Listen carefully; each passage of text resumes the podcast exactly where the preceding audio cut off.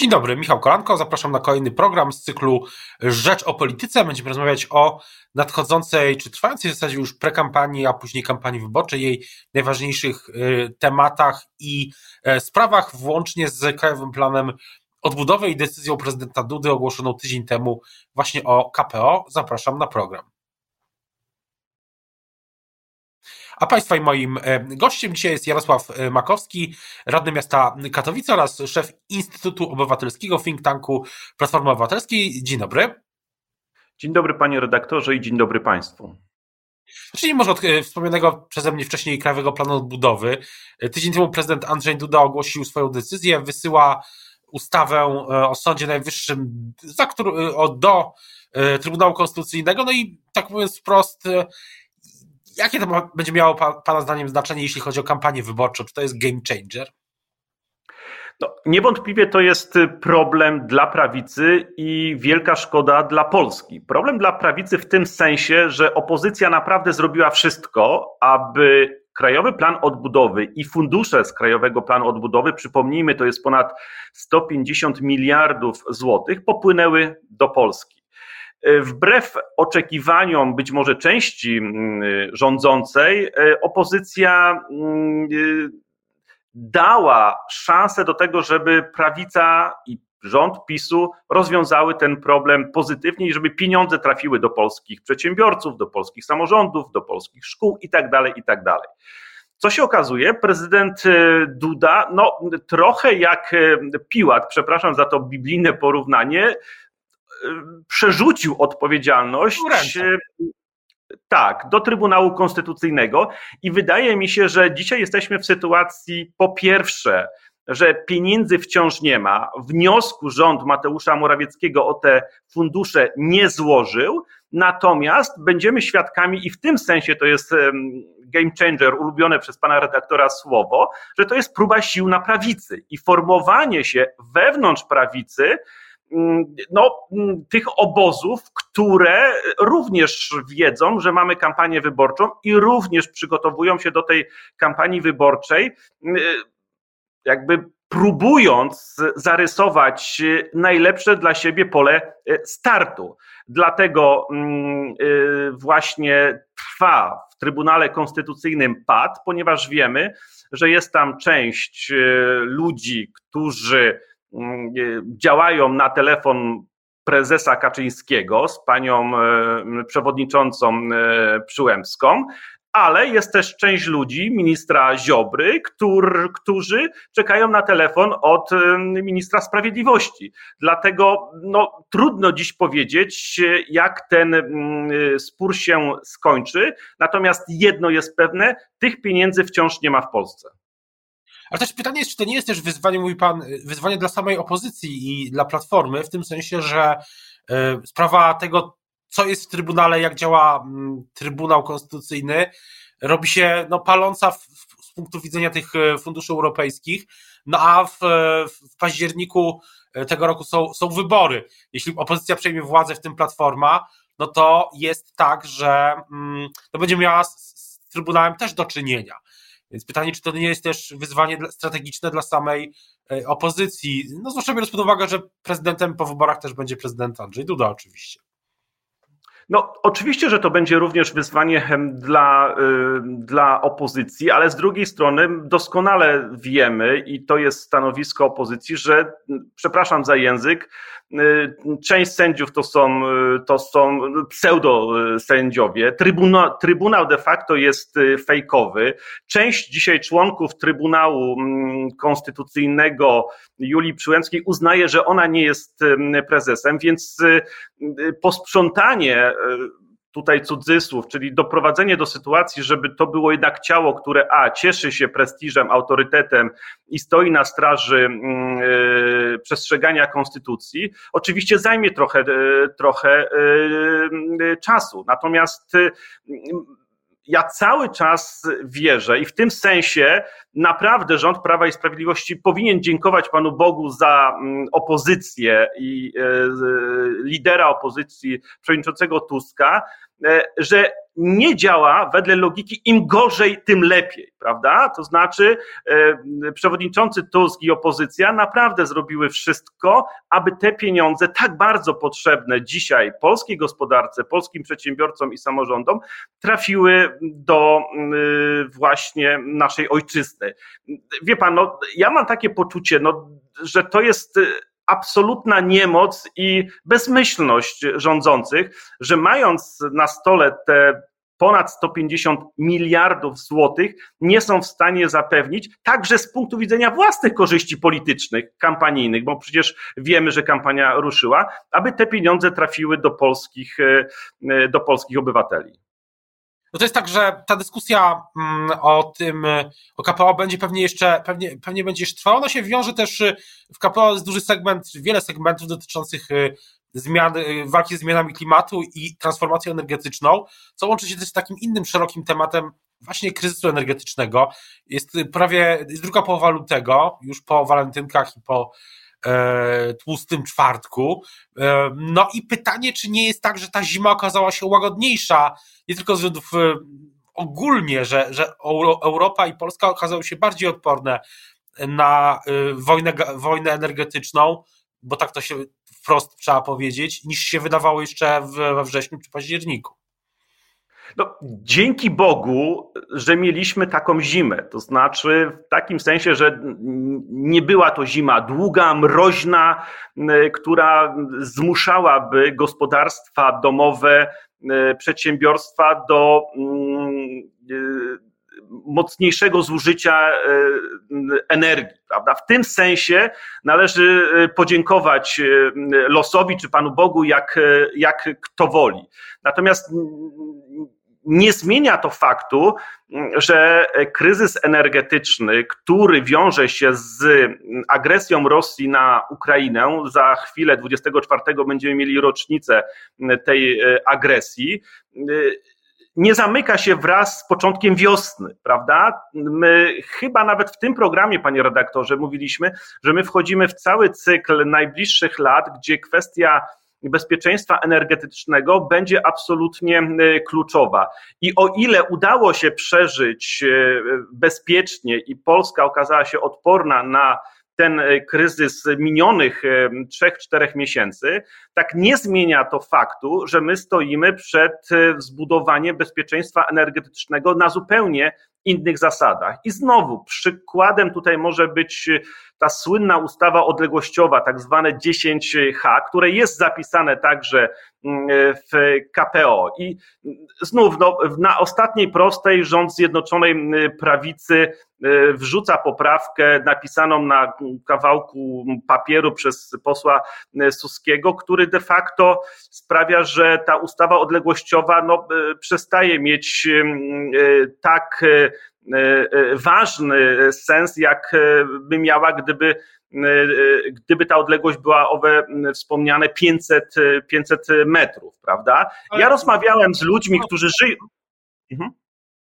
Jedna rzecz, bo wejdę panu słowo, bo mówi pan o tej ustawie i to jest o tyle łatwa dyskusja mm, poza prawicą, że tak się wyrażę, rządzącą koalicją, że, że wyborcy popierają w przeważającej mierze y, liberalizację, y, jeśli chodzi o wiatraki, ale są sprawy z transformacją energetyczną, które się wiążą, które są bardzo niepopularne, y, bo wiatraki no, wpływają na energetykę, oczywiście na sieć i tak dalej, ale nie na tryb życia. Natomiast są sprawy dotyczące transformacji energetycznej, które ingerują w tryb życia i te sprawy są już bardziej niepopularne dużo bardziej niż y, właśnie kwestia energetyki wiatrowej. To, to nie jest tylko taka prosta, że inne, inne, inne rodzaje tej dyskusji są trudniejsze dla, też dla opozycji.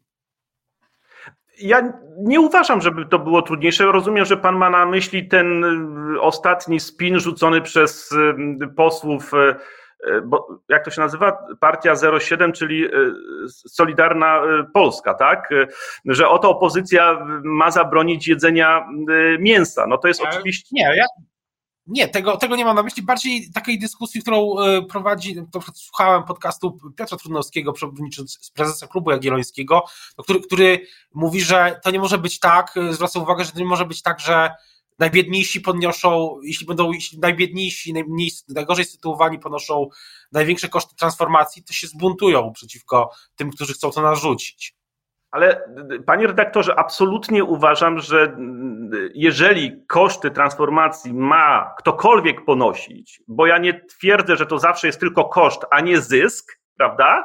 Bo czysta i tania energia poprzez y, y, budowanie energii odnawialnej to jest zysk, a nie to jest koszt. I to jest pierwsza uwaga. A druga uwaga to jest tak, że absolutnie muszą koszty ponosić najbogatsi, a nie najbiedniejsi, prawda? Przyzwoite, solidarne państwo w rozumieniu klasycznego liberalizmu to jest takie państwo, które w pierwszej kolejności troszczy się najuboższych, a nie na najbogatszych, prawda? I na tych najuboższych im mm, musi zależeć. Więc w tym sensie myślę, że również duża część polskich liberałów zrozumiała, że właśnie tak należy no, rozumieć państwo jako te, które buduje odporność i państwo, które dba na, na tych e, e, najmniej uprzywilejowanych, prawda? Więc w tym sensie Mm, żadna zmiana czy transformacja energetyczna nie może odbywać się kosztem e, najuboższych. Ja jestem z regionu, e, który będzie przechodził transformację energetyczną i tutaj profesor Jerzy Buzek, prawda,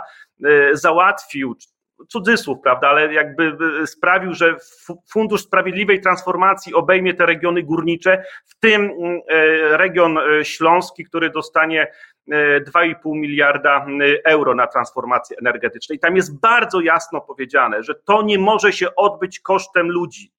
Nie może się odbyć kosztem ludzi. Jest, ale mówi Pan o tym, e, sam Pan e, wspomniał o tym spinie kampanijnym, bo to rzeczywiście jest kampanijny spin, wykorzystujący raport sprzed wielu lat, e, przygotowany dla szerokiego grona, czy dla wielu mm, stolic europejskich, w tym, w tym dla Warszawy, no, który postuluje pewne no właśnie no, dramatyczne i budzące taką konsternację na pewno zmiany w trybie, w trybie życia, ale to jest tak, że no, kampania się rządzi swoimi prawami niestety. Jest tak, że tematy są podnoszone i używane niczym, niczym key baseballowy czasami. No i więc, więc pytanie jest, czy na przykład ten, ten temat, o którym mówi ten raport C40 City, dla C40 Cities, to jest dla Pana to jest y, z punktu kampanijnego już punktu widzenia coś poważnego? No, panie redaktorze, y, ja mam takie przekonanie, że sam fakt, że ten raport wyciągany jest po kilku latach, świadczy o tym, że a, jest to rzeczywiście element y, kampanii. Dwa, no, na szczęście dla powagi debaty wyciągnęła to formacja, która od razu przerobiła to mm, na memy, prawda? Więc y, ludzie mają poczucie, że to jest jakiś, jakiś żart. Po trzecie, nie ulega wątpliwości, że mm, pan minister mm, Ozdoba y, przejdzie do historii tej kadencji jako minister, nie jako ten, który walczy na przykład z katastrofą klimatyczną na Odrze, y, ekologiczną, ale jako ten, który siedzi nad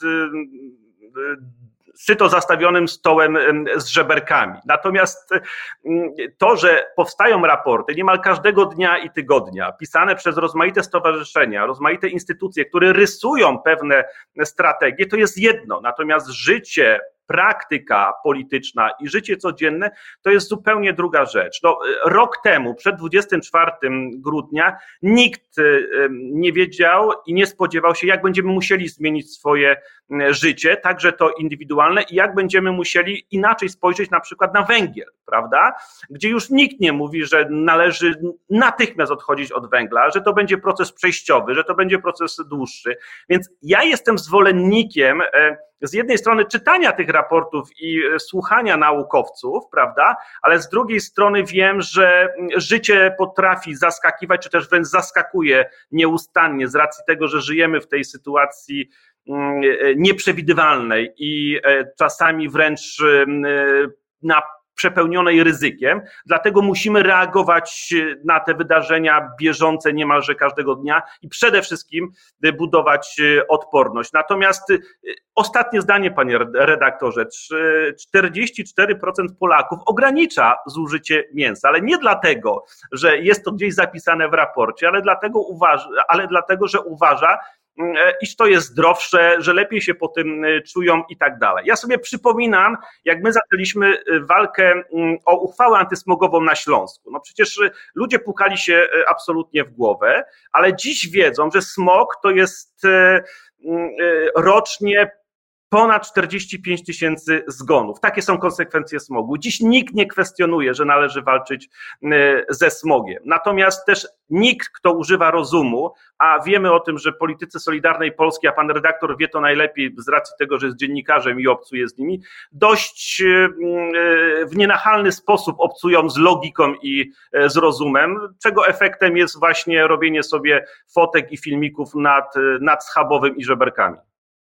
No, to jest. E, ja rozmawiam z przedstawicielami wszystkich opcji, opcji politycznych, ale, i, mm, ale cały czas się zastanawiam, no bo mówi Pan o tym dobrym przykładzie, tak? Że, że, tak, że tak, tak mi się wydaje, że mówi Pan, że powinien być dobry przykład po prostu, e, że, że w tej transformacji powinno być bardziej tak, że no właśnie elity mm, słuchają naukowców, ale to nie jest nakaz, tylko to jest właśnie pewien przykład, tak?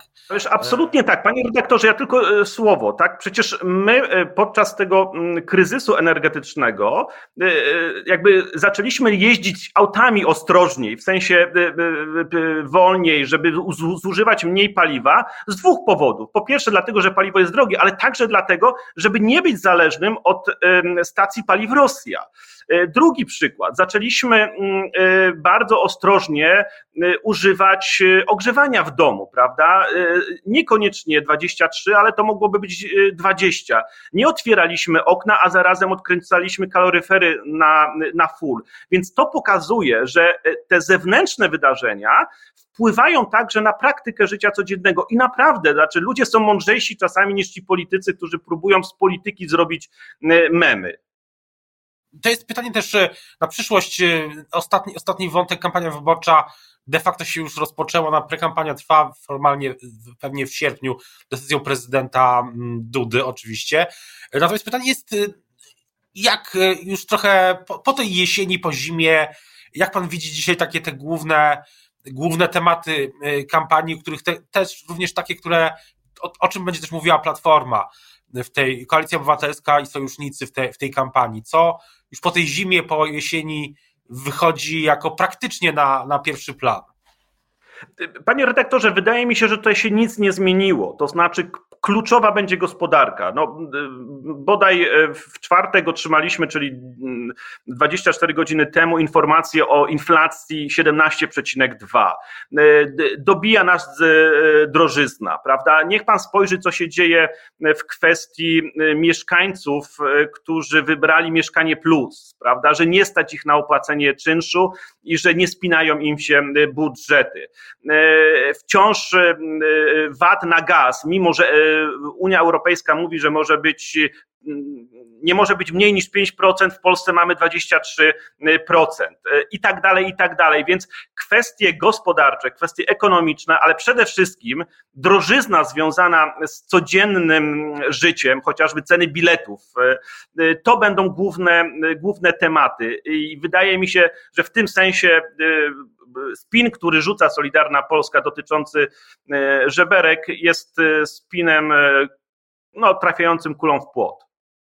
A też myśli pan, że w jakiej formie w ogóle dzisiaj, mówi pan o tych, to jest bardzo ciekawy wątek, dosyć też jasna obserwacja, że, że, polityka czasami oczywiście zmienia się w taką komunikację na bonmoty, memy i tak dalej, ale jak, w jakiej formie dzisiaj, jak pan na to spogląda, taki wątek na koniec, przedstawiać program wyborczy, bo program wyborczy kojarzy się z taką książką, którą pan i ja mamy za plecami, grubą i którą czytają ludzie, no właśnie ja i pan przeczytamy programy, no ale wyborcy już niekoniecznie, więc pytanie, jak mimo wszystko przekazywać w tych warunkach dzisiejszych treść?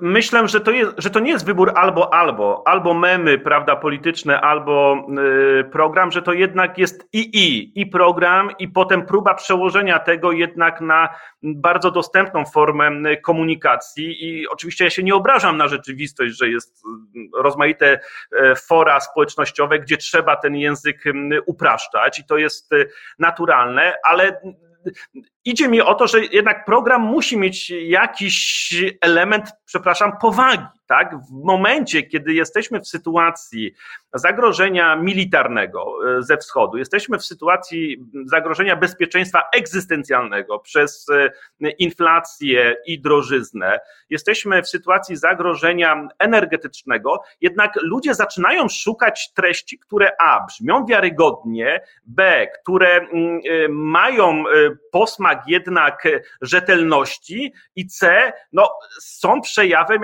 troski o dobro wspólne. Przepraszam, że wymieniam takie trzy stare e, kategorie polityczne, ale wydaje mi się, że czasy absolutnie nie są, że tak powiem, rozrywkowe i e, chyba program polityczny będzie przekonujący dla odbiorców o tyle, o ile on będzie jednak e, poważną propozycją.